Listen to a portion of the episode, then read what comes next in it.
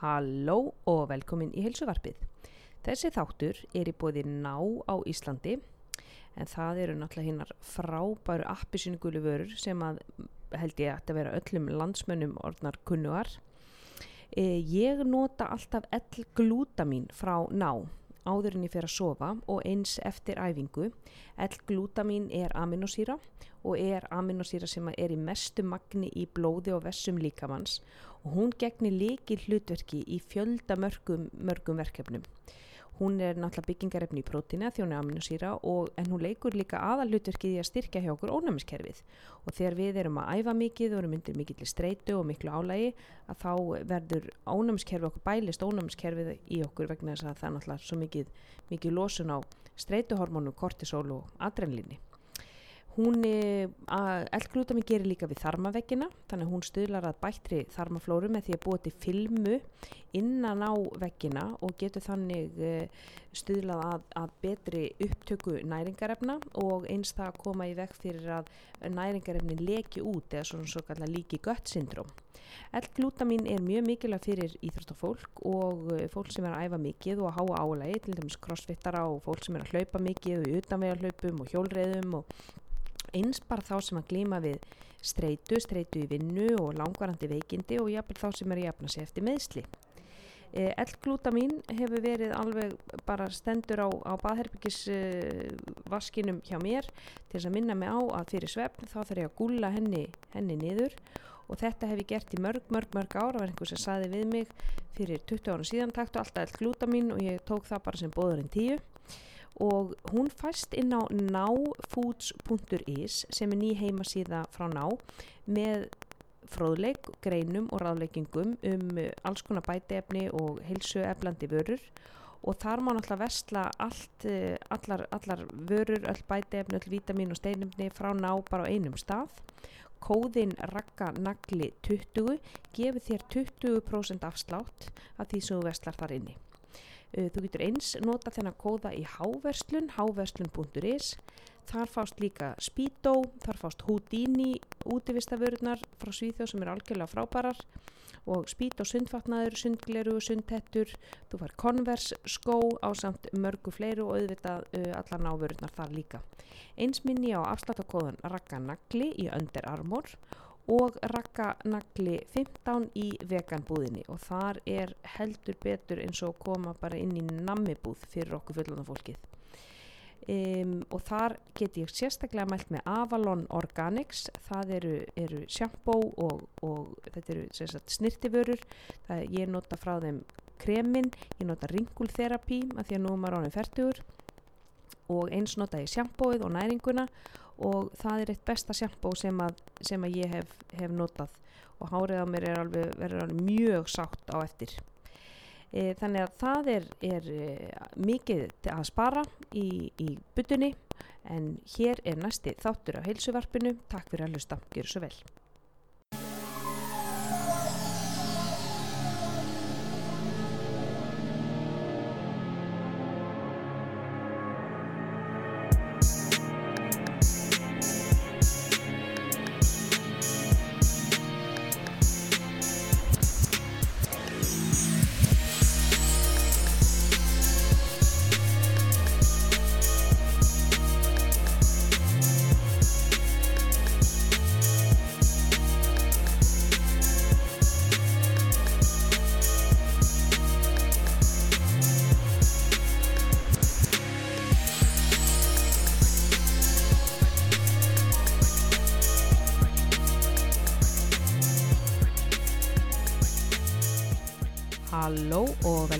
heilsuvarpið.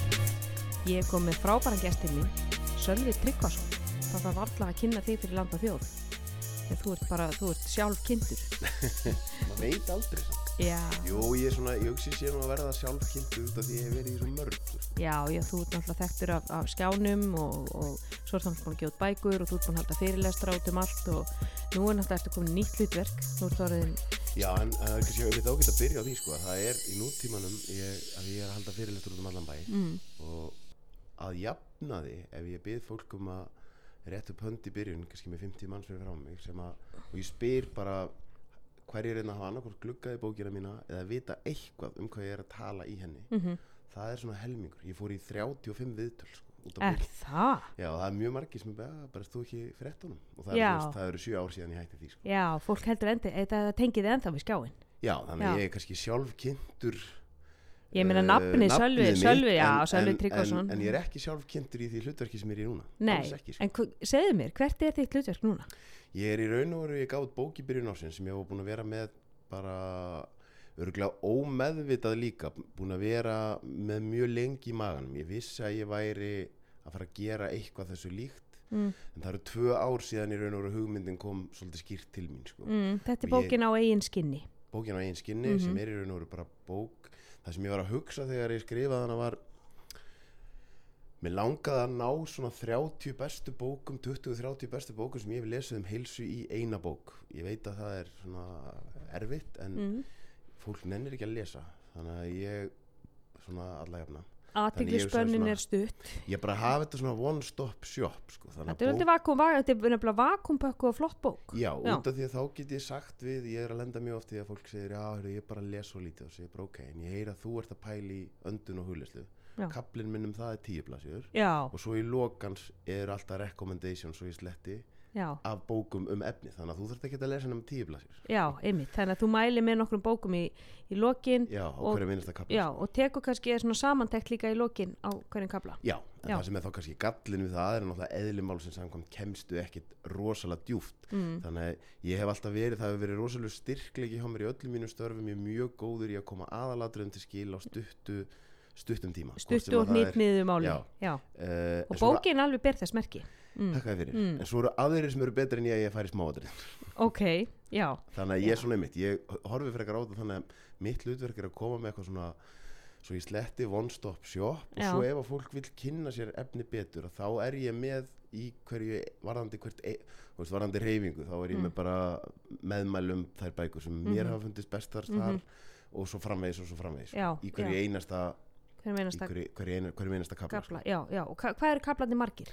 þeir eru, ég man þetta nú ekki alveg var að lesa hann inn, ég held að séu 20 Ok, 20 eða 21 og þú ert að tala um mestmægnis streitu og hvernig við höndlum streitu, sko- komum veg fyrir hana.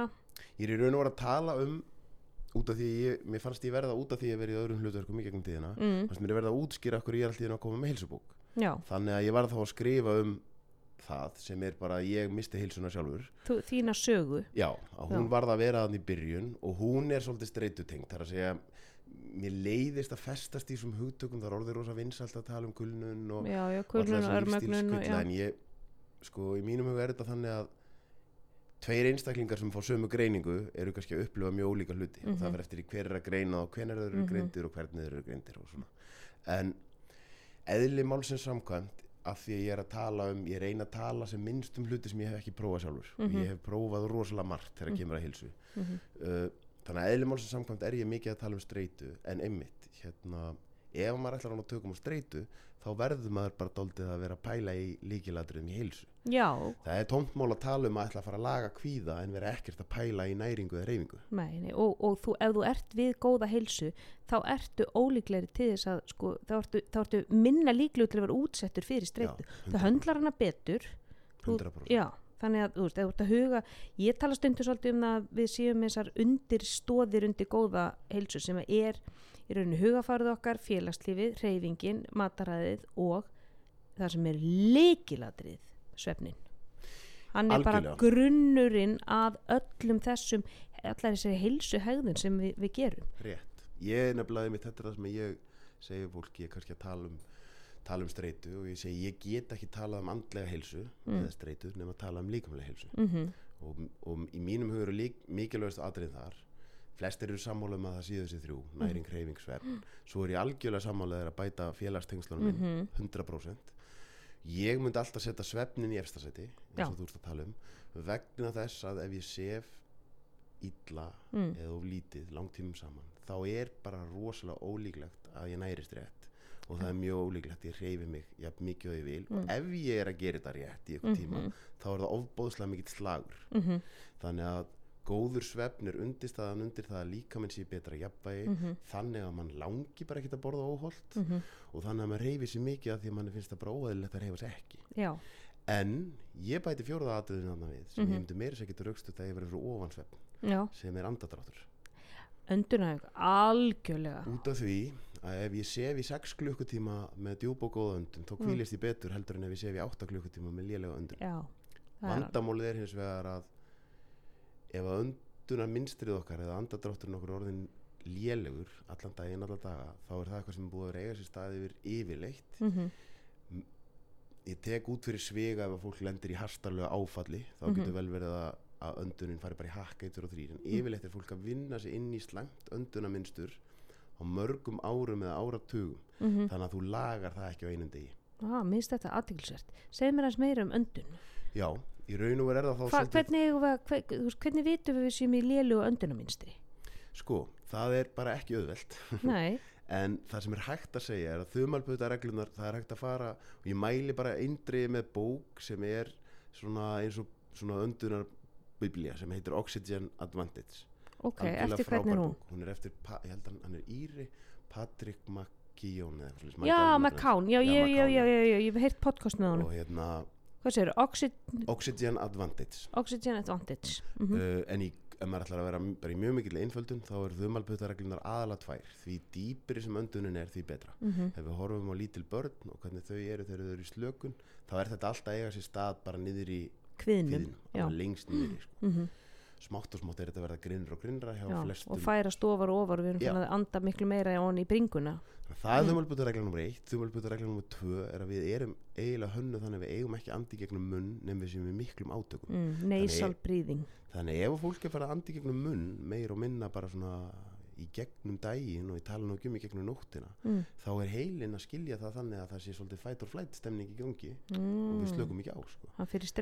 Þannig að ég get kannski verið að ganga til sálfræðings eða geðlæknis í fleiri fleiri ára ræðum vandamál en ef að öndunum mín er alltaf grunn mm, og léleg þá Mm. mun heilin skilja það þannig að ég eigi að vera í fight or flight ástandi. Mhm, þannig að hann mun búa til ný vandamál.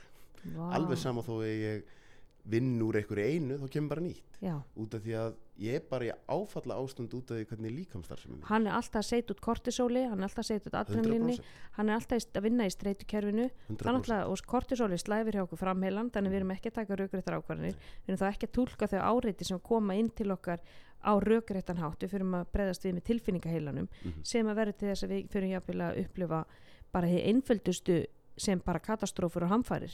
Þannig að við fyrir að upplifa kvíða og Mhm. streitu sem við ættum í rauninni ekki að gera ef við værum vel sofin og værum að anda regl Akkurat. Já, þannig að það eru tvö hvað atriði getur fólk gert? Fínt að koma inn á það. Það eru tvö atriði í hilsu sem eru rosalega mikilvæg Mm. sem eru svolítið sama marki brend það er bólgumyndun og öndun. Já, það er að segja að við viljum ná bólgum niður mhm, og við viljum ná að bæta öndun. Þetta Mhm. er hins vegar þannig atrið að það er mjög erfitt að mæla þetta. Mm, og það er erfitt að fylgjast með þessu nákvæmlega. En það sem við vitum er að atriði sem eru góð fyrir hilsun okkar eru yfirleitt til þess fallin að draga úr bólgum og bæta öndun mm, þannig að regluleg reyfing tala nú ekki um taktvis reyfing eins og Mhm. sund, hlaup uh, fjallgöngur, göngutúrar annað reynir á þólið Já, Mhm. þar sem bara þar sem að ég þarf að vera í jafnvel svona aðeins hraðara öndunarminstri á meðan æfingin er þá er ég auka líkunar á því að öndunarminstri mitt verði síðan betra í staðin fyrir ég sé einhverju svona lúkvorm ástandi allan daginn þá Mm. fer ég í alvörunni inn í svolítið átaka öndun Já, sem er taktviss sem þýðir að þegar ég komin út úr átökunum þá aukast líkunar á öndunum ég verði betri. Og þarftu að keira púlsiðin mjög hátt upp, þarftu að fara upp í sko high intensity ekki. púls? Alls ekki sko. Nei, Já, ég þarf það ekki en Nei. það er samt margt sem mæli með að það sé mjög gott að gera það reglulega. Ok. Uh, Ég er að meina sko þá fyrir öndun alltaf gott fyrir hjarta og eðakerfið að ke keira púlsin upp Já, en, áfur, en, svona en til dæmis eins og bara mjög rólegt skokk í Mm. langan tíma. Ég held að það sem fólk er að fá mest og að ég myndi alltaf færa rauk fyrir því að stanslust skokk sé langt frá því að vera besta reyfingin þegar kemur að líkamlega hlutan mm ég eins vegar myndi kaupa það að það að skokka hægt Mm. reglulega lengi geti verið ofbóðslega góð streitulósun mm, út af því að það er ákveðin hugleisla fólk Það er mindfulness í því. Mhm. og það er til þess fallið ef ég er í ákveðinni svona tempo öndun í nógu langan tíma þá er ég að bæta öndunin yfir allan sólarhingin til langstíma sko. og þú ert ekki að líka með þetta yfirfæra það að þú þart að hugsa um öndunna í þessum langklöpum, þú þart að þú veist, þú Mhm. þart til þess að sko, ef þú missir úr tempóið, þá finnur þú hvað þetta fer að verða mikið streð Mhm. og ég finn það mitt sjálf, sko, ég hleyp mikið spretti og svona og, og, og gerir það mikið mitt inni á, á bretti og, og ég finn það sko um leið og ég festi augun á einhvern ákveðin punkt og er bara í öndunni þá get ég haldið nátt endalast áfram Mhm. leiði fyrir að horfa á skjáin hvað er marga mínútur eftir hvað, hvað er ég búin að hlaupa langt þá missi ég tempóið í öndunni Mhm. hugur mér reykar annað og ég fyrir að, sest, fyrir að hugsa um annað og þá fyrir þetta að vera erfiðara bara á sekundubróti Mhm. Þannig að það að vera í þessari tempo öndunni mitt í langan tíma það hlýtur að yfirfærast síðan yfir á bara hitt daglega líf. það gerir það. Já, þannig að það sem að ég er í raun og kannski að segja er að hlutir eins og ef ég er að borða hollafæðu Mhm. þá er það sem er með kannski, ég eiginlega engum undandenningum hollfæða er fæða sem er ekki bólgumyndandi. Mm hollfæða er til þess fallin að vera góð fyrir meltingafægin sem eigur líkunar á það verði auðveldara fyrir mig að anda ofan í langt ofan í, ég nota orðið kvið en auðvitað er þetta önnu líffæri líka þindin og, Þindin og, mm. en Uh, hvað kallar holla fæðu? hvað er, hvað er þín skilgrinning á hollri fæðu? skilgreining á hollri fæðu er frekar, sko, ég, ég er með kapla í bókinu minni sem heitir sérhæð næring. Mm. Ég er því fyrstur allra til þess að færa rauk fyrir því að það sé hægt að nota næringu til að laga ótrúlegustu kvilla. Uh, og þá þarf maður bara að vera á mjög einhæfri næringu kannski uh, í jafnvel í langan tíma. En let food be thy medicine já, það einhver. er það sem ég kalla Já. sérhæða næringu. Já. Það er að segja ef einstaklingur er bara alveg að fara í síkusíki, mm þá getur vel verið að hann þurfa að hætta öllum kolvetnum. -hmm. ef einstaklingur er komið með óþól við öllum mögulegu og ómögulegu þá getur bara vel verið að hann þurfa að vera mjög einhæfi fæði Mm en ég kalla það sérhæða næring í bókinu minn og hef sérkaplum það á Mm. ástæðu -hmm. svo er það kapli sem ég með sem heitir næring það er bara hvað er það að borða holt fyrir venjulega manneskja venjulegum degi þar held ég að sé búið að flækja hlutina allt og allt og mikið fólki er sko kollruglað í skallanum í það er mín skoðun mjög einföld. Hún er þessi, það að borða holt er að borða mat Mm. og matur er matur sem skemmist áður en hann skemmist í flestum segja sem er, nóg, skemmist áður en hann skemmist. hann er nógu ferskur til þess að geta skemmst. Það er líf í já, uh, ef þannig að ok, það eru sjálfsögðu undanþenningar á þessu. Meina ég hérna það fínt að fá sér havragraut og havramjöl geimis lengi. Mm en þumalputta reglan er þessi. Ef að það sem ég er að borða er með, er með á umbúðunum best fyrir mars 2023 já, þá er það yfirleitt eitthvað sem ég á að borða fínt að borða svolítið stundum. Mhm. en það er ekki uppistaðan í næringunum minn nei uppistaðan í næringunum minn er ekki eitthvað sem er rosalega langri innihaldslýsingu og orðun sem ég skil ekki. Nei, uppistaðan í næringunum minn er ekki eitthvað sem hefði ekki geta verið matur fyrir 150 árum. Akkurat það er það sem við erum hönnu fyrir. Það er bara svo að vera á fyrirlestri hjá mér Sölvi. Algjörlega. Sko matur sem er ekki með miða matur sem er ekki með innihaldslýsingu það er maturinn sem kom okkur á legg. Já, það það er matur- matur. Já, það er matur, kartabla og, og, og kjúklingur og, og brokkoli og þú veist, það er engin innihaldslýsing á þessu það er bara Einmitt. eitt, og þess vegna því leiti sko uh, að ég skil svo vel ég gerði þátt tvo þættu um aðbúna dýra í matvælæðinaði ég skil mjög vel siðferðilega umræðan um vegan og vegetarian og allt það en Mhm. þegar það kemur á hotlustu þá held ég að það gildi það sama um bæði þá sem eru sko græmmetisætur eða vegan og þá sem eru kjötætur mm að því meira sem ég borða fersku mat því Já. hollara. Það er að segja hérna og þess vegna þegar það er verið að þegar fólk er að rífast það er hérna karnivor fólkið er að Mm. rífast við vegan fólkið þá segi ég bara sko ok ég kaupi það bara kannski líður báðum þessum einstaklingum rosalega vel að sínu mataræði af nákvæmlega sömu ástæður þeir eru búin að taka út allan prósessaða matinn. Akkurat, já, akkurat. Þannig að ég þekki mjög mikið af fólki sem er vegan en er að borða rosalega óholt ég Já. þekki tvær manneskjur sem eru vegan og er að borða rosalega holt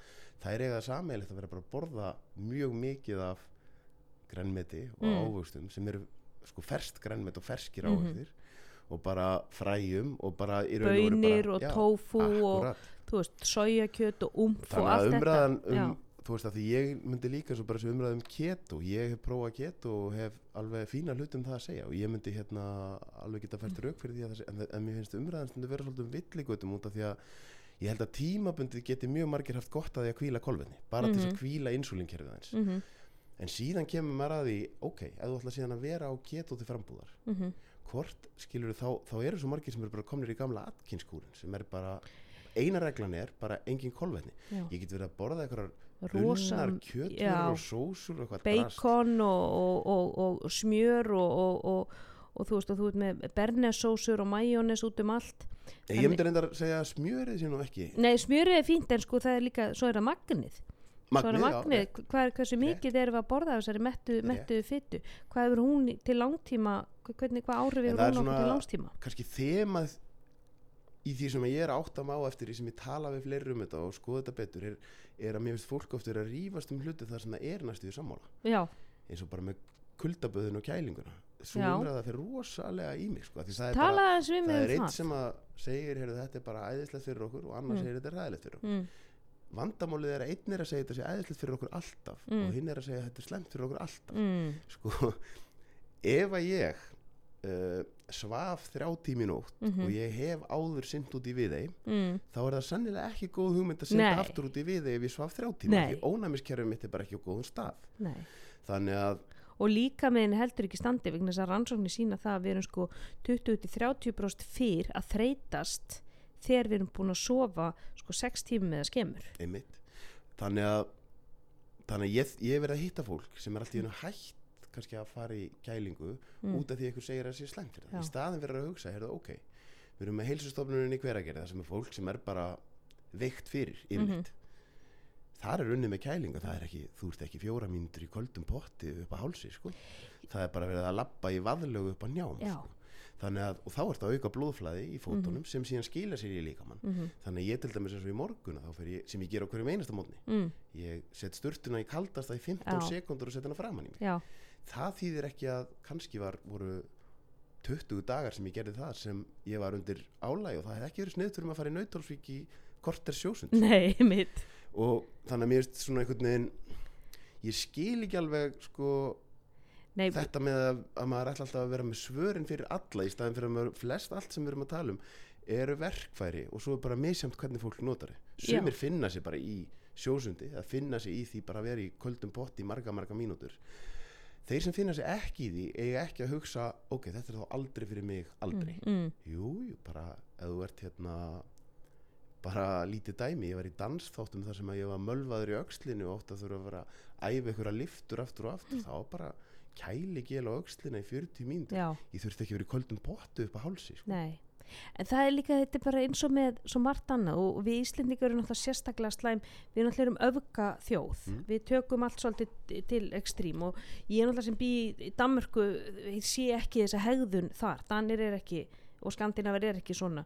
Það er engin í röð þó Costco opni sko, þú veist, en við tökum svona hluti ef að það ef fólk er að fara í kæliböð þá ætla ég líka að gera og ég ætla bara að gera ógeðslega mikið af því Mhm. og ég ætla að sita í, í köldum pott í 10 mínútur eða 20 mínútur en ég til dæmis séð að rannsóknir að það gerist ekkert mikið eftir tvær mínútur þú ert að fá þetta sjokk sem að losar út, þú veist, þú, þú keirir aðeins upp í streytukerfið, mikið lengur en það, þá ertu farin að bara losa of mikið kortisol, of mikið adrenalin þú ert bara farin að hamra svolítið á kerfinu já, Og eins og þú segir- sjálfa Já, sko. 15 sekundur, ég hef myndi verið að vinna svolítið með kalda sturtur núna, Mhm. alltaf svona aðeins kaldara, aðeins kaldara, aðeins kaldara og það er bara ískaldar hjá mig núna, en ég getaði mitt bara í svona ykkur 15 Já, sekundur hugsaðan sko, þú veist að að hérna, ég er búin að stúdira aðila sem hafa stúdirað þetta mjög mikið Já. það er einmitt bara, það er maður sem beðandi til þess að ef maður seti kulda á brjóstkassan og andliti mm að þá sem maður að hafa áhrif á vakustögina sem að er -hmm. þjóðbrautin á milli já, sem hjálpa mann inn í heila slökunakerfi sko. Þannig að það er hægt að hakka sig inn í að fá mikil áhrif úr litlum tíma, alveg eins og í æfingum já, mjög margir eru kannski að gaufa með hérna deburðar svip í ræktinni sko í allt og marga mínútur í staðan Mm. fyrir að mæta þarna inn keira á kerfið og fara Mm. svo út já taka þetta bara svona svolítið intensity stutt, bara stutt make it short but en make ég it veit hurt ekki sko, ég hef ekki búið í útlöndum en ég hef mikið verið að pæla í þessu hvort Mm. þetta sé sér íslensk, þetta sem þú ert að tala um sko, hérna, ég upplifi þetta svo mikið að því síðan sko, að því við erum með þversagninnar eru svo miklu, við erum með sko by far heimsmet í rektarkortum per höðatölu já, en að samaskapi erum við held ég í öðru sæti í, af Evrópu þjóðum í offytu Já. uh, af því að ég sé þetta svolítið þannig að hérna, við uh, það er annarkvort er ég bara full, full on keto eða eitthvað 100% mm ef það klikkar hjá mér þá er ég farin að nammi bara inn í hagkaup. Akkurat. Annarkvort er ég að fara í hugleðslu og þá er ég komin bara í hvítan kubl og ég er á leiðin í klaustur í Indlandi eða ég ger þetta aldrei. Já. annarkvort er ég í sjósundi í janúar já, eða ég bara nota kælingu ekkert. Nei. Sko öfganar. fólks mm.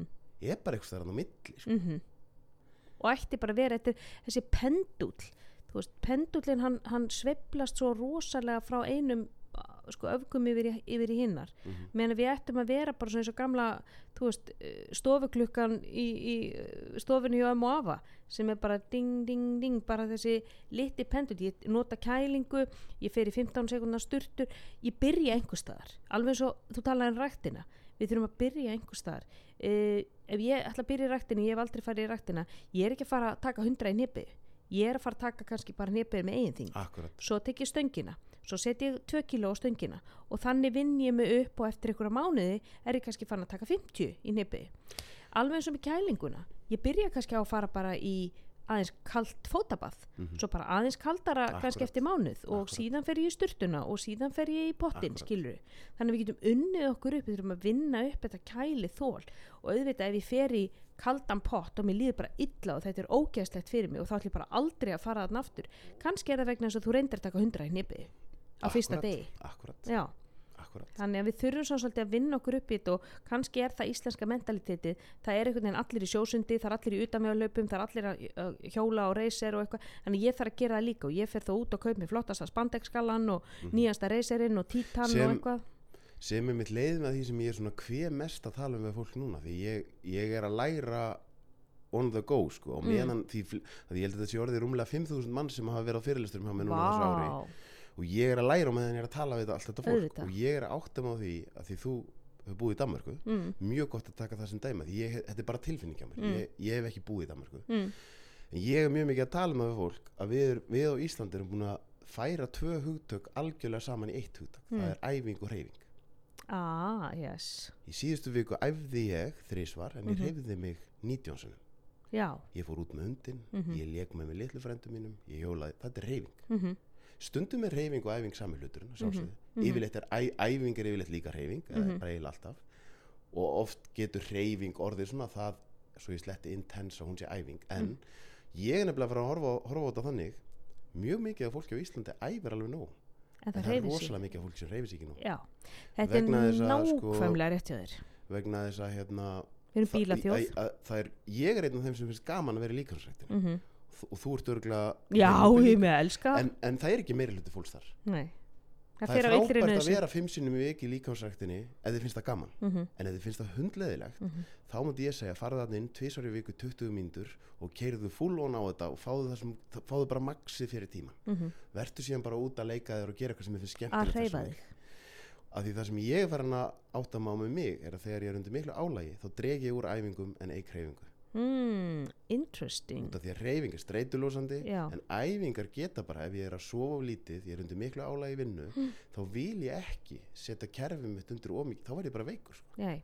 þetta er einmitt, ég var, mér, var einmitt, er búin að vera með tvö streytunámski núna í vikunni og það sem ég er einmitt að segja fólki að þegar þú ert kortir í kulnun og ert undir mikil streytu og mikil álæði þá náttúrulega ertu að keira í streytukerfinu þú ert með kortisol alveg ringsólandi nánast allan sólarringin sem veldur því að þú sefur illa og hefur þetta áhrif á sefniðin adrenalin er er á fullu. Það síðasta sem þú vilt gera er að fara að hamra á kerfið ennþá meira með því að fara í high intensity spinning tíma, crossfit tíma ringþjálfun, stöðvaþjálfun þannig að þú ert að losa út ennþá meira kortisol Hárrétt. þannig að þú ert að fara að lækka líka sko viðtakendunniðinni þeir fara að verða ónæmi þetta verður eins og insulín ónæmi Hárrétt. þeir fara að vera ónæmir fyrir kortisóli. Þannig ég þarf alltaf að vera einhvern veginn að keira á kerfið mitt svo ég finnist ég vera normal, svo ég fá eitthvað út í því. Og ég hef meiri sett ekki tímabil á sjálfum mér þar sem ég hef, já, förðulega það hljómar þar sem ég hef ymmit ég hef tekið lung tímabil þar sem ég var að keira á mig á æfingum já, þegar ég átti ekki að vera að gera. Einmitt. Ég var undir um og glálægi.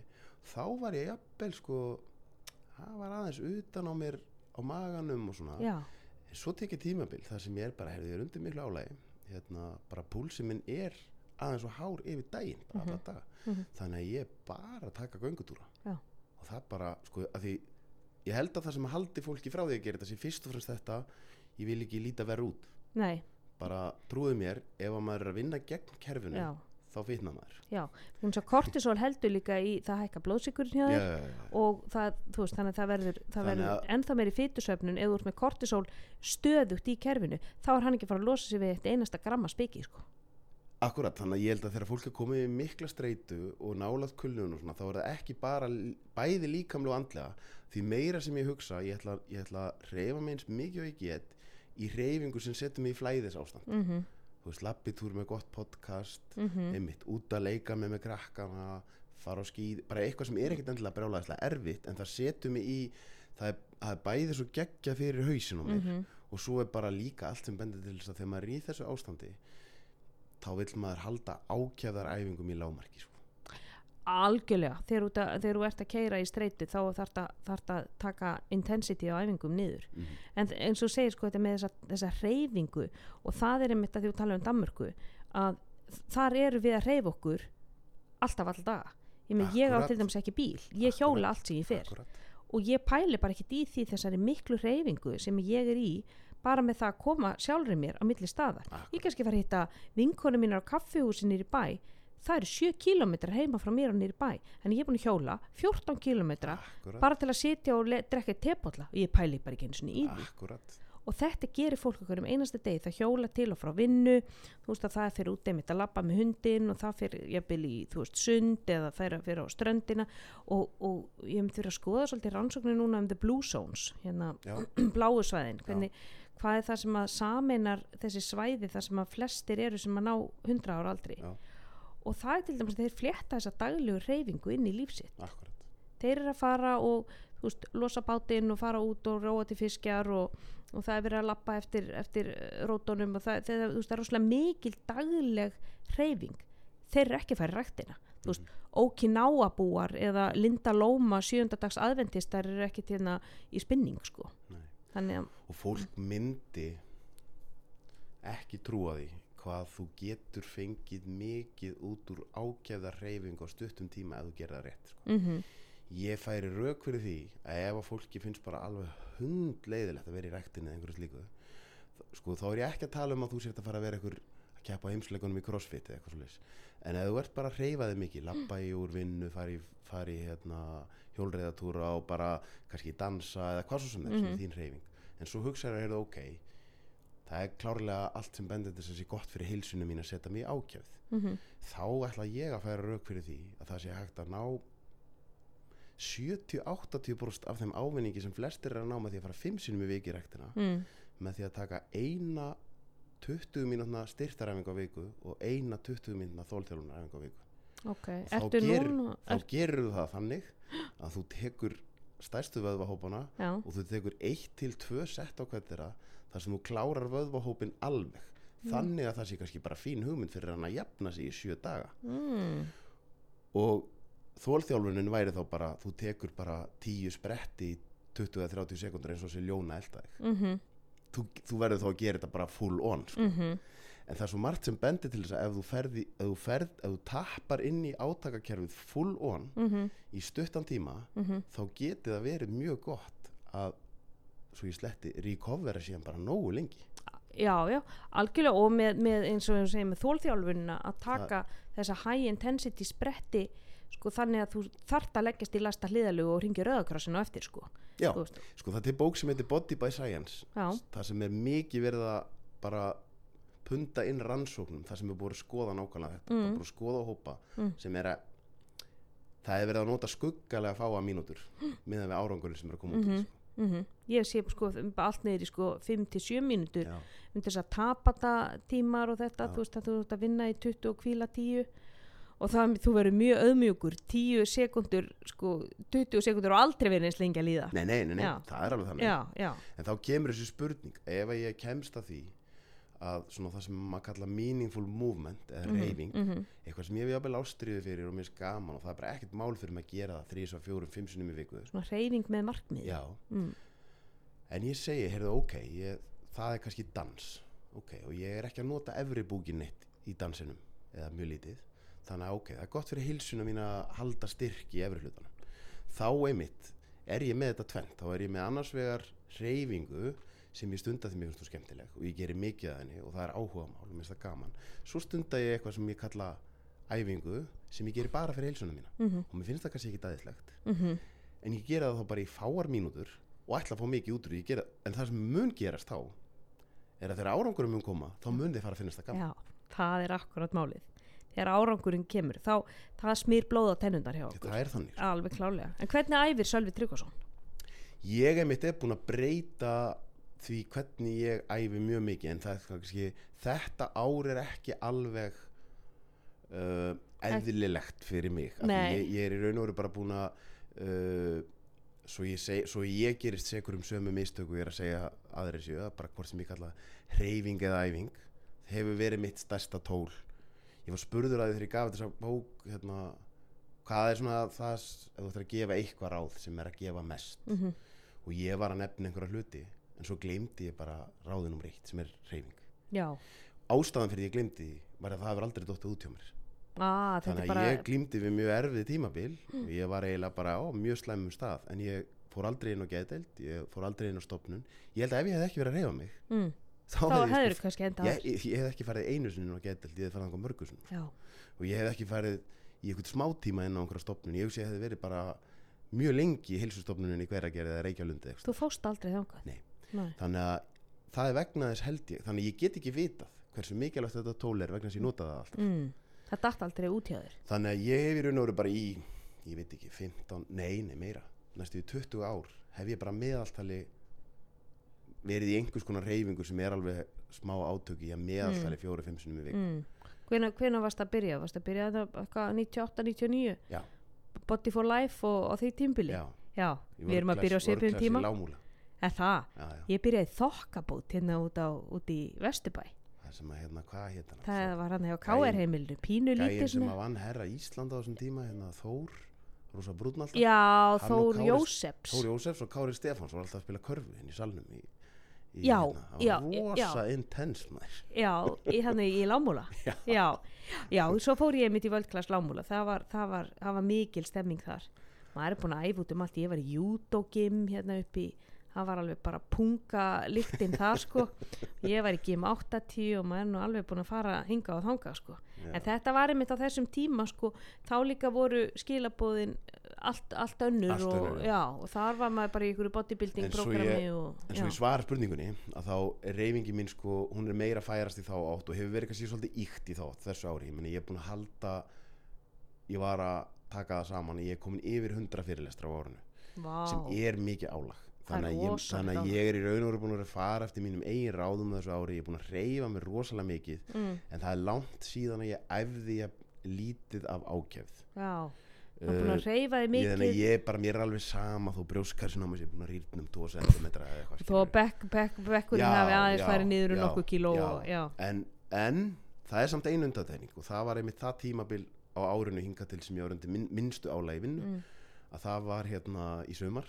Uh, ég hefði fengið símtal síðasta haust um, frá vinum mínum sem eru sérstaklega einn hérna, með hlaupabakrun og hérna, búin að hlaupa nokkur marathón mm. Við erum að fara að hlaupa á laugavegin 55 km og hérna, þú ætlar að koma með. Já, og það var svo langt í þetta ég sagði bara já en ég hefði lengst skokka 10 km á aðeins sko. og, hérna, og ég var bara ekkert að pæla í þessu. Bara já, þetta fyrir einhvern veginn, uh, þar til að það er komin bara mars og ég er búin að vera á kafi í fyrirlesturum og eitthvað, hafði engan tíma til að æfa hlaup. Og ég mitt vissi ef ég fyrir að allt í hann hlaup og hlaup og hlaupa þá verð ég bara lasin, Já. ég er undir álægi sko, já, ónæmiskerfi mitt þannig að það er ekki fyrir en í mars sem ég er svona, heyrðu það stutt í þetta og núna er aðeins að byrja að hægjast nú get ég, og þá er bara búið að ná í styrtar aðilega og eitthvað, ég get ekkert bakka út nei þú er bara málað út í hot já, já, þannig að þá tók ég samt æfði ég ekki mikið í mars og april alls ekki, ekki í mæ held það er raun og veru ég get sagt frá 20. mæ til 1. júli þetta er Já. svona 6 vikur þá því þá var ég bara heyrðu ok, ég hef lengst hlaupið þá var ég búin að ná því upp í 12 km já, ég lengst hlaupið 12 km og eftir 6 vikur er ég með 55 km já og sko ekki bara hérna okkur um albyggi, ykkur skemmti sko ekki Reykjavík sko. Hvernig ætla ég að fara þessu? Já. og þá hugsaði ég einmitt bara að reyna að fara eftir mínu einráðum ég ætla að reyna að hakka mig inn í þetta með því að lappa nógu djöfulli mikið þá afsakar orðbræðið á fjöll. Ok, þannig að ég var bara dálítið trilltur í að lappa upp fjöll í þessar sex vikur já vegna þess að það styrkir svo mikið fætuna og er líka að reyna á kardíokerfið sko. já og líka það að vera sko í svona hvað segir maður í hæð eða sérst í elevation í, í þú veist það sem að þú þarft að anda þess Já. sem að, já, og það sem er að gerast á þessu tímabili er fyrir þá sem þekkja þá er VO2 sem er svona mæli hverða á mhm Jú. það er bara að fara upp hjá mér bara, Já. já. það er bara, ég er bara að fara í og einmitt þá sá ég bara, ég er að gera eitthvað rétt ok, og ég, ég get ekki bakka út þannig að Mhm. ég verð bara að mæta þann og þetta verður bara að fara einhvern veginn. Að því svo hugsa ég þegar það viki í hlaupi þá er gamli góði manni í hausin minn bara, þú verður að þú, veist, þú átt svo mikið þú átt svo mikið eftir Mhm. að þú getur ekki en þá er bara, það er sniðast fyrir maður að kvíla núna í heila viku mhm, og gera ekki neitt. Uh, ég stalst hlaupi var á laugadegi held ég fyrir rétt með. Og á mánudeginum er ég bara heyrðu, pff, ég verð að taka eitt hlaup allavega. Mhm, og þá fór ég út og var komin inn í kvildina búin að kvíla mig í tvo daga og gera ekki neitt. Mhm, og ég byrja að laupa og ég er með rosa gott garmin snjallúr Mm. og ég var á rólegu joggi. Og þegar ég var búin með 1,5 km þá var púlsinn komin í 175 já. Þá hugsa ég bara já ok hérna þetta var lélegasta úrið mitt hafði aldrei sínt ég lélegt laup já, þannig ég hætti bara. Ok. Og þá fór ég bara í aðruleysi ég hugsa bara ok, ég bara ég ligg bara fram að þessu laupi og geri ekki neitt Mm. og svo fer þetta bara einhvern veginn Já. og það sem gerist er að ég legg bara mikið upp úr því að kvílast vel og síðan náttúrulega var ég með smá ágjör að kvöldi áður að þetta er upp í landmannalögum og við vorum ekki með gistingu þar þannig að Mm. við þurfum að leggjast á bænum klukkan 4.30 eða eitthvað mm, og ég sagði að það verður töff fyrir mig að sofa nú sem Já. ég veit að er algjör líkil en það sem ég gerði þá var að ég allavega fór eins snemma að sofa í gat mhm, og svo bara um leið og ég mætti upp í bíl þá sagði ég við alla bara, heyrðu, ekki tala við mig ekki neitt, ég bara headphone á, ég er að fara að sofa bara alveg, ef ég get sofið hérna í bílnum þá bara fyrst í kaff. Og ég er mitt vinu minn sem að, ég ætla nú ekki að fara gaggrínan en ég, hann var svo spenntur mhm. að hann var komin á þriðja kaffibólla klukkan 4.40 nei, á meðan að ég setti kaffi ofan í mig 30 mínútum áður en hlaupið fór að stað. Ég svaf eiginlega alla leiðin í bílnum. Já. Þannig að ég finn bara ég er á rosa góðum degi Mhm. og mér líður mjög vel í skroknum þannig að ok, þetta er fallegu dagur og ég ætla allavega bara að njóta þess. Ég er í aftasta rásóp að því ég mitt, ég sannilega, ég hafði þá hlaupið 16 km í eitt skipt en það sem gerist er bara það að þetta byrjar á svo mikið að brekkum. Fyrir hlutan lögun það er bara ekkert slétt. Þannig að fjallgönguna byrja bara að skila sér. Já, og ég bara þeir tveir sem voru með mér sem eru einmitt annar hefur laupið nokkur marathón og hinn er sonur hann sem er 19 ára gammal fótballtastrákur í Já. rosa góðu Já. formi.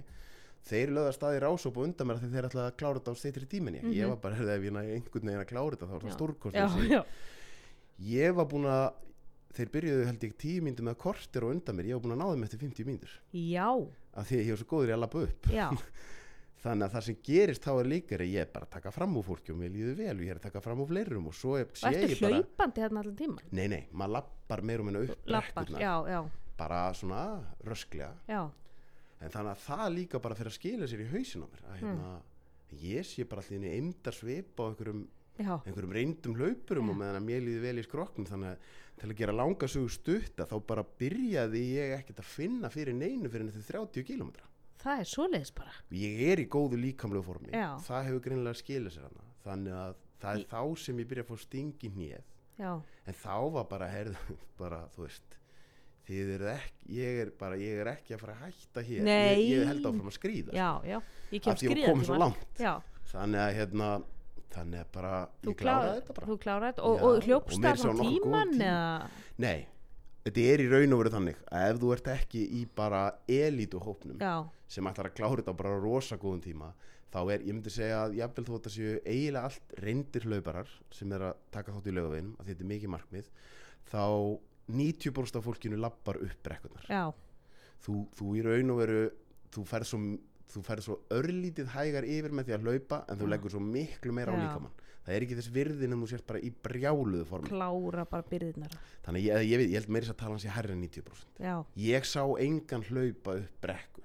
Nei, en um leið og brekkan er komið niður í móti þá leipur eins og þú getur en þú náttúrulega þarf að passa þetta ekki. Já, þannig að hlaup niður brekku er ekki eins og hlaup á jafnsléttu og svo er þetta í raun og veru þá þannig að það er þú veist 300 metra sléttukabli svo kemur smá brekka upp, smá brekka niður 200 metra, þannig er í raun og veru bara fyrir Mm. hlutan á laugaveginum mm, þannig að slétti kablin sem er 10-15 kílómetrar hann kemur ekki fyrir en eftir 30 kílómetra já, hann er bara rétt í þá lökin ég þakkaði fyrir að það var ekki fyrsti kablin mm. því það var bara ekki minn styrkleiki sko. mm.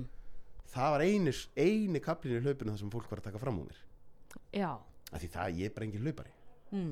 Þannig að þar var ég bara skokka rosalega hægt Mm. þannig Eh, að bara það að klára en það sem er skrítnast með þetta líkamskerfi ég veit ekki hversu nákvæm þessi snjallúr eru Já. en ég tók 13 kilometra þegar ég tók í fyrsta skipti meir en 10 kilometra mm. þá böðlaðist ég 13 kilometra ríkisring upp í heiðmörk, ég held að hann sé það 12,4 þá sagði úri við mig uh, re, sem sagt recovery time eða sem sagt Mm. bara recommended easy effort Mm. Næstu 72 klukkutíma já, í fjóra daga. Þarf það, þarf það kvíla eftir laugavegin, Já. 55 kilometra þá sagði þetta sama úr við mig. Því í 30 tíma. Já, pældi því.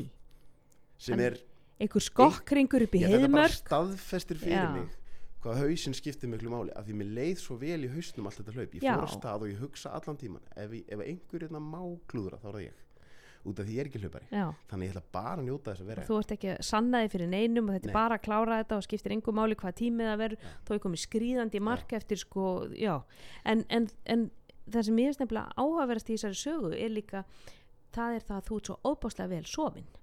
Þú Já, sko bara- hvílir þig alveg upp að hlaupi og þar komum við með þetta mikilvægi svepsins í þessu öllu saman.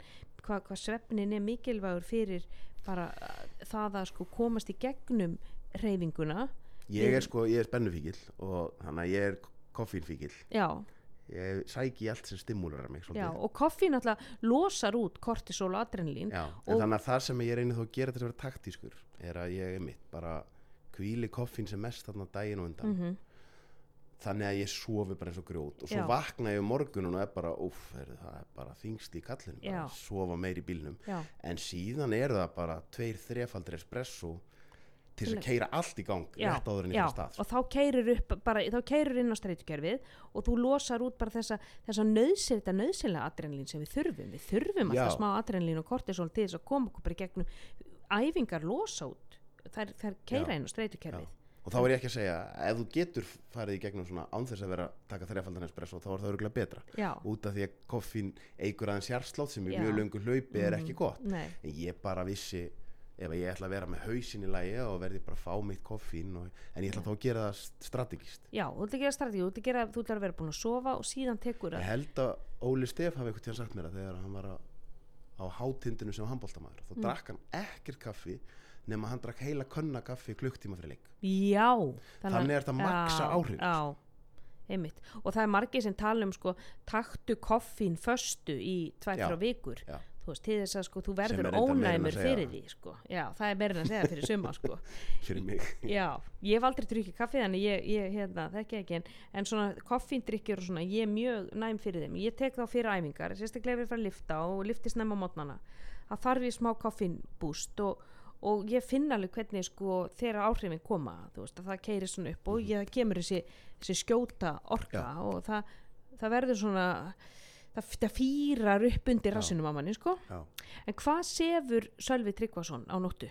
Sko, klukkan hvað fer að svo? Hvernig er svepprútína þín? sko, það er í raun og verið þannig að, að þetta er það sem ég er að leggja mikla áherslu á fólk uh, en þetta er svona ef ég ætti að taka eitthvað eitt sem að ég hef kannski átt svona erfiðast með að ná fullum tökum á. Það er ekkert mál fyrir mér að taka æfingu fjóru sinni með fimm sinni með viku og ekkert mál fyrir mér að reyfa með endalust en að ná góðum svefni er alveg smá trikki fyrir mann sem sækir í spennu og er Mm. undir álægi og allt þetta.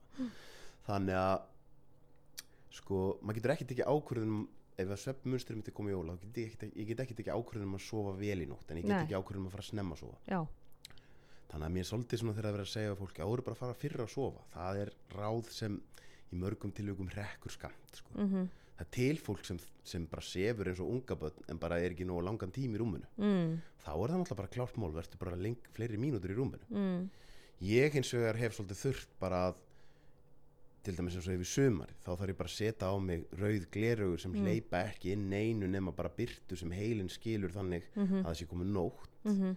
Ég þarf helst að setja það á mig einum og hálfum tíma áður en ég fyrir að sofa Hvað, hvernig glerur hún út? Ertu með Felix Grey eða hvað ertu með? nei þetta er ég hef f- fylgst svo mikið með Dave Asprey hérna Já, já, og þannig ég treysti honum bara ég er ekki, ég er ekki, ég tek það fram ég er ekki hér til þess að, ég er ekki á neinum samningi eða eitthvað svoleiðis en ég bara treysti honum og hans vinnu Mm. hann hannaði sjálfur gleru Já, það er ok. annars vegar þessi gulu gleru sem fólk notar í tölvinni við Já. daginn en svo er það rauð gleru sem eru bara hugsuð þannig þú leipir bara inn næturbyrtunni Já. þannig að heilin í þér skilur þetta og það sem ég get allavega sagt er það fyrsta skipti sem ég setti þessi gleru á mig og fór að horfa á sjónvarstátt Já. þá sopnaði ég í fyrsta skipti yfir sjónvarpi í 15 ár. Þannig að þetta virkar sko það, það er talað um að sko bláa byrtan, hún er verst fyrir okkur. Hún Hún er er svo sem að náttúrulega sendir skilabót til líkamann sem að senka melatonin framlistu og oftar en ekki sko rannsóknir sína það að hún getur senkað um sko þrjá tíma. Þá er til dæmis á að vinna í tölvu að lesa af iPad, veitur melatonin framlistu senkað um þrjá tíma. En að vera með þess að rauðu byrtu til dæmis margir eru með svona Já. að svo byrta hún róar okkur niður því að hún líkir eftir varðeldi þannig ég er að pæli hvort að þessi Algjör- 100%. glerugu séu 100% svipað, svipað virkni bara 100% Já. þetta er í raun og veru þannig að heilin skilur þá byrtu sem er að koma inn í gegnum þessi gleru næstu því eins og þessi blackout Mm. þannig að melatonin bara byrjar að keirast upp mm. uh, annað sem að ég hins vegar vil koma með inn í svefnumræðuna sem að mér finnst jafnvel mestu svefn sérfræðingar stundum gleyma Mm. það er að svefnin yfirleitt við búum í samfélagi þar sem við erum með 24 tíma við erum með klukku. Mm -hmm. þannig að þetta er ringur Mm það hvernig ég byrja daginn minn hefur áhrif á það hvernig ég algjörlega. Við erum núna hérna inni í byrtu og við höldum bara, já það er bjart inn inni og það er bjart úti. Mhm. nei, dagsbyrtan úti er alltaf því hundra sinnum sterkari Já. fyrir heilan. Þannig að heilin skilur það þannig. Ef ég fyrir strax og ég vakna út undir beran heiminn, það er komin dagur ég setja stað allt það sem á að fara stað þegar það er dagur. Þannig að það eru aukna líkur að eftir x marga klukkutíma skilji ég að það er komin nótt. Já, þú þarft að byrja dægur sveifluna þú þarft að byrja sveifrútínuna þína á mótnana þú þarft að fá dagspyrtuna inn í gegnum ljósopið. Og ég á Íslandi erum við náttúrulega bara í mjög skrýtnum málum. Já, þannig að ég er með dagsbyrtu lampa sem ég nota alltaf á vituna ok, alveg 100% hvar fann maður svo liðs? Ég veit það ekki, það er hægt að kaupa bara dagsbyrtu vekjarklukkur ég nota síma minn aldrei sem vekjarklukkur Nei, með svona dagsbirtu, vekjarklukku. og síðan á sömurinn þarf ég að fara í hináttina þá þarf ég að setja á mig bæði þessi gleru og svo þegar ég fer að sofa þá þarf ég bara að vera með hérna, hvað heitir þetta? Já, svefngrímu, ég er alltaf með svo liðs 100% uh, en síðan er annað í þessar umræðu sem er, sem er melatonin mm. sko það mætti halda að melatonin væri sterkasta eitulif sem til er með umræðin á Íslandi. Já, það er allir og Ég- annað er að taka í ég melatonin get, ég get labbað til læknins og eftir og Mm. fengi skrifað upp á fjögur sveflif mm. en það er ólíklegt að hann muni skrifa upp á melatonin fyrir mig nei, nei, það er ólíklegt, ok, ég held það sé bannað á Íslandi já. Já. en það sem að ég ætla að segja er ég ætla að færa rauk fyrir því að yfir sumartíman, Mm. þegar það er bara aldrei dimmt mm. þá er bara mjög marg sem mæli með því að það sé bara mjög gott fyrir eiginlega all á Íslandi að taka inn melatonin að því að heilin bara er ekki að framleiða nóg af því en svo áttu bara ekkert að þurfa það í november eða janúar sko. En sko nú, eh, ég hef lusta á Matthew Walker sem er, uh, ég veit ekki hvort þú þekkir já, bara alg, frábær frábær. en hann býr ekki á Íslandi Nei, hann býr ekki í Íslandi, en hann hefur gert rannsóknir á melatonin og ég var nefnd að hlusta á hann þar sem hann sagði melatonin virkar engungu ef þú ert að ferðast á milli tímabelta. já, ég skil Þá alveg hvað hann er að fara Endur og stillur melatonin, ég en skil, og ég ætla já. ekki að sko, hann, hann er í mínum huga bara já, hann er mínum huga hann að guð. já, bara svefn gægin að ég ætla ekki, ég ætla ekki að fara það er ekki að sita hér Nei, ég ætla ekki að sitja hér og fara að vera ósamála honum. Hmm. það sem ég hins vegar ætla að segja er að ég er sammála þessu sem hann er að segja. Mm. ég held hins vegar að hann sé að alhæfa þegar hann segja að virki engungu þannig. En ég skil hvað hann er að fara. Mm. ég er alveg sammála því ég held að það að taka inn melatonin í töfluformi hafi ekki mikil orð Nei, það er náttúrulega hækja líka. já, það er hækja í sammála því. Hins vegar ef að ég er manneskja sem á mikinn svepp vanda að stríða Mm. og það er sumar á Íslandi og ég er búin að lesa mig mikið til og ég hugsa bara ok, melatoninni mitt er ekki að koma í líkamann Mhm. og ég trúi því að ef ég tek inn þessa töflu Mhm. þá muni melatoninni fara upp Mhm. þá er það bara þannig ég hérna uh, maður náttúrulega var í háskólanámi sem var mjög gaggrinnið og allt þetta Já, við vorum nú saman í sálfræðinni. en við köllum þetta livleysu áhrif Placebo áhrifin blessuð. Livleysu áhrif eru fyrir mér ekkert annað en bara það að ég er að tappa inn á superpower heilans. Já, ég von trú. Já, bara heilin er að búa til líffræðilega hluti. Mm þannig að ef ég get gert eitthvað sem að lætu mig trúa því að svefnið minn verði betri mhm, þannig að ég keiri upp það að heilin minn fyrir að halda já, nú er bara melatonininn og nú erum við bara að fara að sofa. Mhm, ef það lagar svefnið minn, please tökum 1, 2, 3, 4, 5 milligram af melatoninni vegna þess að afleðingarnar af slæmu svefni eru alltaf miklu verri heldur en afleðingarnar af því að taka eitthvað pínulega melatonin algjörlega. En gæti við þá ekki bara verið með þrúusikur og kallaða melatóni það er eitt möguleik en, en það, það sem ég er að reyna að segja er ef fólk er með svefnvandamál mm. taktu L-tyrosín, taktu 5 HTP allan daginn. taktu GABA taktu jafnvel litla melatonin taktu allt sem að lætur heilan í þér halda og munir sofa betur hvort sem að virkar eða ekki Já. vegna sem þér líður eins og munir sofa betur Mm. þá ertu smám saman að byrja að rjúfa vítarhingin L-tyrosín náttúrulega er frábæð það er líka að hjálpa skjaldkirtlinum heldur, heldur reglu á honum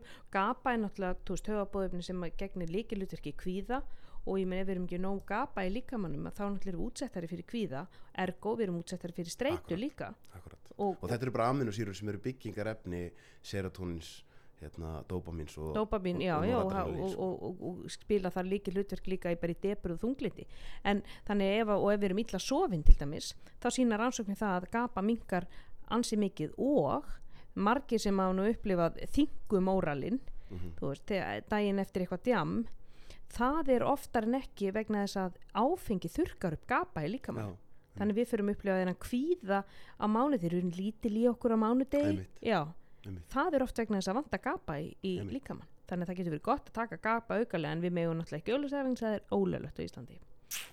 Það má ekki Já, selja. en það er nákvæmlega kannski þanga sem ég var að reyna að fara með þessu umræðu að Mm. það hvað er bannað og ekki bannað á Íslandi það er í mínum huga bara þvæla sko. já, ég, ég var meina, í, ég var í Kaliforníu í tvo mánuði fyrir tveim árum síðan, hausti 2017 og í Kaliforníu er bara fólk komið lengra í heilsu.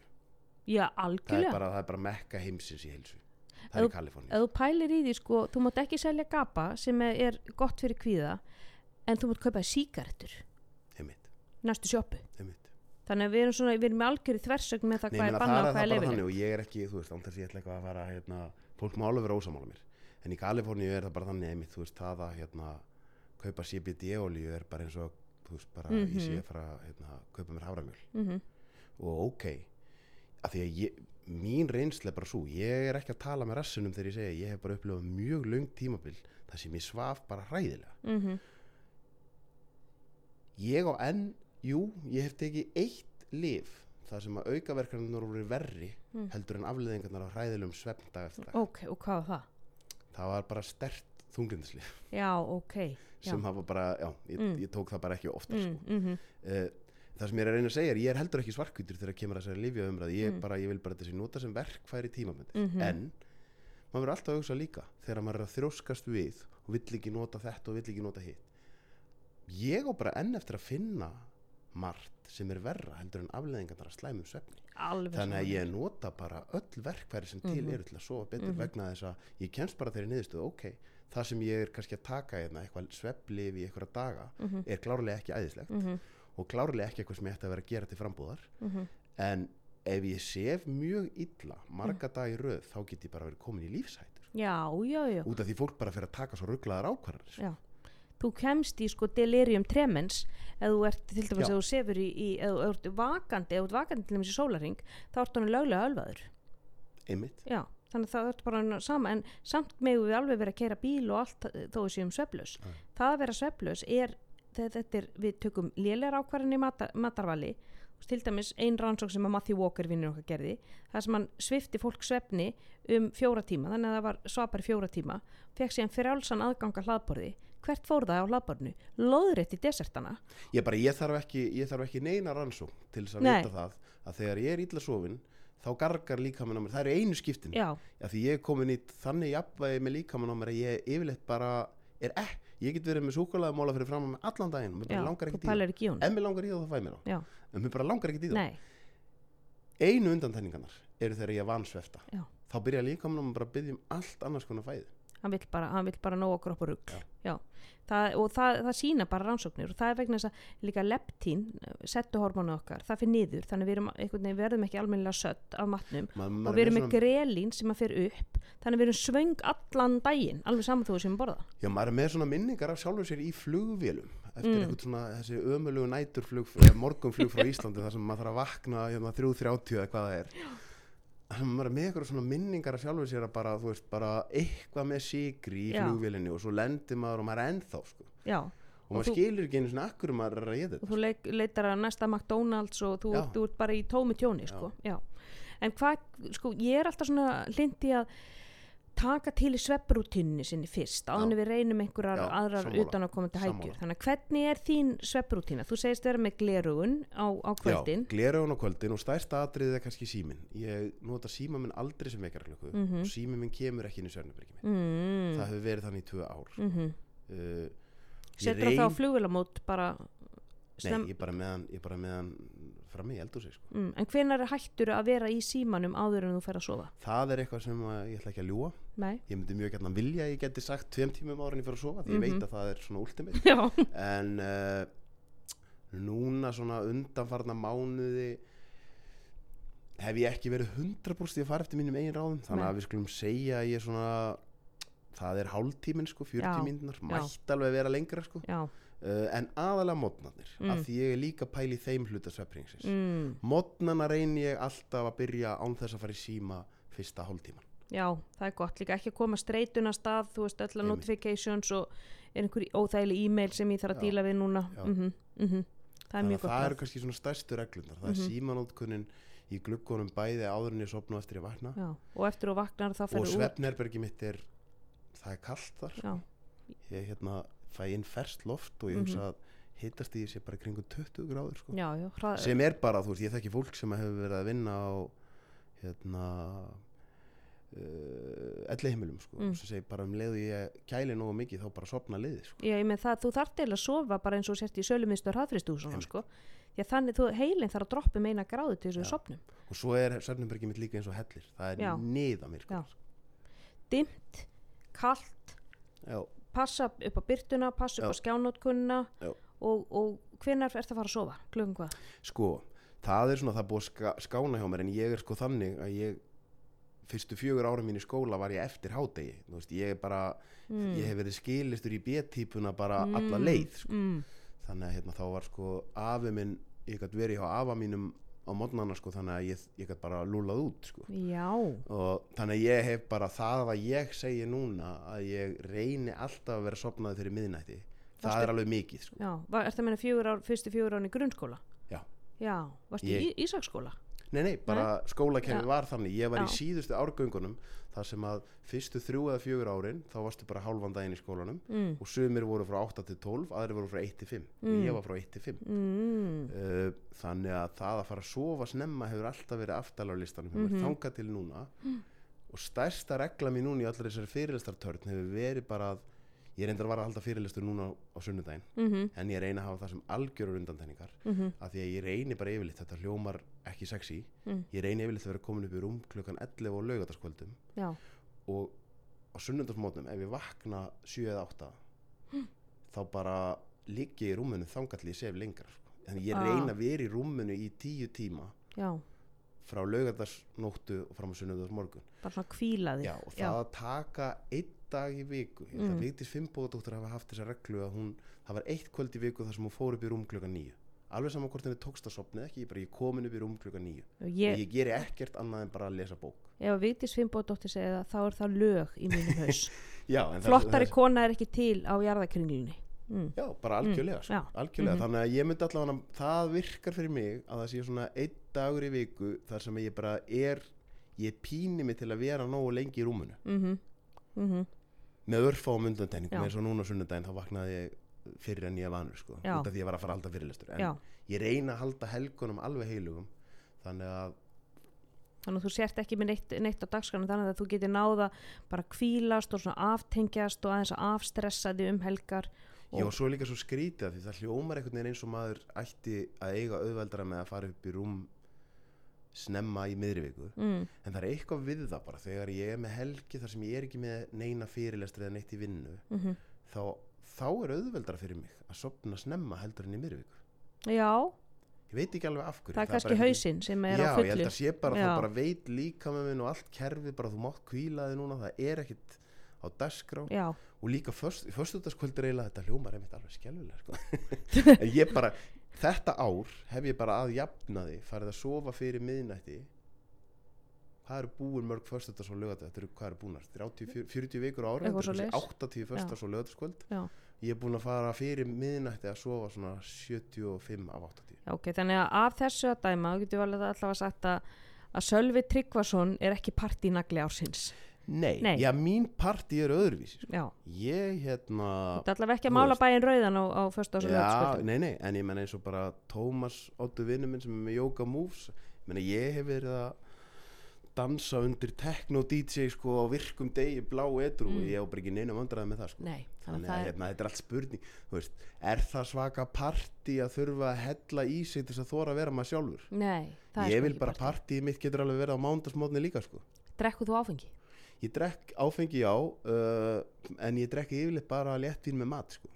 Ég bara, að því þú veist, ég er bara orðin minni bjór maður en ég var. Mm og ég þarf ekki að nota áfengi til að ég get alveg fara á dansskólf og dansað já, meiri sér áður en ég tók þátt í þessum dansþáttum sko. Ég get alveg gert það þó ég veri edru já Þa, það, Eh, það er kunst að, að læra, ég, það læra er bara alveg eins og að hlaupa en að lauga veg og taka þátt í þessum dansþáttum þetta er bara skrifa út fyrir komfortbóksi sko. Algjörlega. Mér varst þetta er ég hætti að drekka, það eru átt ár síðan og ég, veist, ég drekka ekkert, ég ekki léttín, ekki bjór, ekki neitt. Það fannst mér erfiðast, það var að dansa, edru. Svo eftir svona eitthvað tíma, sko núna, ég tek luftgítarinn, ég fer úr hælaskónum og ég er, ég er trillt. þetta er bara ekkert í- gamla góða þegar maður var í 8. 9. bekk Fyrst, fyrstu fimm mínútur er Þú óþægilega ert óþægilegu, dóslega meðvitaður um allar hefingar og, og maður er bara að rífa af plástra í fimm Ég- veit það, svo er þetta bara komið og já, þú, já. En Sölvi að lokum þá langar maður að spyrja þegar þú ert alveg búinn á því Mhm. þú ert búinn að halda fyrirlestra í viku líka minn er alveg hann er að gefa þér löngutöng hvað gerirðu til þess að recovera fyrir næstu átök? Ef ég á möguleika eins og til dæmis í gær þá held ég tvo fyrirlestra og bókin mín er á deadline núna og hljóðbókin líka og bara rosa mikið að gera. Ég var með tvo fyrirlestri í gær svo átti ég bara tvekja klukkutíma glugga. Þá hyggst að ég ekki við að leggja mig. Mm. en ég legg mig ekki tvo klukkutíma. Ég lærði það þegar ég var í morgunfréttunum mm -hmm, að til þess að hafa ekki áhrif á nætursefnin þá verði ég helst að halda þessu svo 20 mínútur já 20, ég 30 set vekjara hlukkuna á 29 mínútur. Já, það tekur mig vel svona kannski 5-6 mínútur að ná að dotta. Já. þá er blundurinn sjálfur svona 20 mínútur. Já. Þannig að það er rosa recovery í því. Mm svo reyni ég náttúrulega eftir fremsta megni þó við séum nú öll orðin misgóð í því og mörg hver bara léleg og ég stundu léleg líka að því meira sem ég get gert hluti sem eru bara, ég er ekki símanum ég er ekki í tölvunni, -hmm, ég er bara með fólkinu sem ég þykir væntum og bara það hliðum mig sko. mm -hmm, þannig að þú þú talaður um félagstengslin á já hitta fólk sem- og já, vera með fólkinu já, sem þið ekki væntum já. og eiga þessi djúpu, djúpu félagslegu tengsl. Og Já. það er líka þess að rannsóknir sína á bláu svæðunum. Þeir eiga það samilegt, þeir eru allir í góðum félagslegum tengslum og eru með stertni net í kringu sig. Það bara skiptir gríðalegu ég hef oft hugsaði mitt að því ég er búin að ferðast mjög mikið og ég ferðast til margra landa það sem er bara talsveit mikið fátækt. Mm, og oft sér maður bara já, veist, að ég, ég get ekki mælta en ég hef á tilfinninguna að meðal manneskin en það sé hafa mikið samara heldur en Íslandi. Algjörlega. Og þá förum við alltaf í þessu umræðu að þetta er bara við erum svo heimtufrek og veist, þau eru svo góð í mm, það vantar tvæði breyturinn í öfnuna mm, yfirleitt á þessum svæðum sem ég hef verið á það er betra veðfar já, þannig að fólk er miklu meira úti og það er að Mhm. fá meiri sól mm meira og jafnvel að D-vitamin labba berfætt og alls Mhm. konar. Og síðan er þetta yfirleitt svæði þar sem að fólk getur ekki mikið verið eitt. Nei. Það er umvafið fólki allan Já. og innmannaleiki drepur sko fleiri en við, en við vitum sko. Þa, það er bara þannig. Þannig að einmannaleiki er sá, svo tilfinning sem að tengi, bein tengist sásökastöðunum í heilunum. Því að við, við erum svo mikil hjartir að Já. það að vera einmanna er bara eitthvað svo versta tilfinning sem við getum upplifað. Já. Já. Það þannig að þú ferð og, þú tengist við félaga þína þú leggur þig, passar upp á svefnin þannig að það er svona þessi líkilatrið já og eig reyfingu og eigur Ekki hreyfingu, ekki endilega æfingu heldur hreyfingu, Já. þetta eru Því- frábær því meira álægi sem er undir því meira reyfi ég mig. Já, já, einmitt. Hreyfing er ekki sama og æfing. Nei. Nei. bara þú veist klukkutíma hjólatúr, labbitúr bara mm eitthvað bara næs bara ég er bara einmitt að hlusta á eitthvað og bara eitthvað Mm, fara út og njóta náttúrunar Já, og, já, akkurat. Þetta eru frábær lokar, takk kærlega fyrir Sölvi að koma í heilsuvarpið. Takk hérlega fyrir mig. getur uh, fólk fundið þig á samfélagsmiðlum? Heyrðu, það er hið þjála nafn uh, svo- Solvi Trygg Solvi Trygg, á, á Instagram. Já, uh, og svo bara nafnið mitt á Facebook. Svo bara nafnið þetta á Facebook Já, og bókiðin á eigin skinni. Já, og svo er næsta bók að koma út. Hún Já. kemur út um áramótin eða hvað hún kemur út núna fyrir jól. Fyrir jól. Og hún heitir það er í vinslu Það er í vinslu. Hún heitir ekki Það er í Nei. vinslu en nafnið er í vinslu já. við frábært, við hlökkum mikið til að lesa hana. En til ykkur hlustundur, takk fyrir að hlusta á heilsuarpið og þá til næst, þið bless.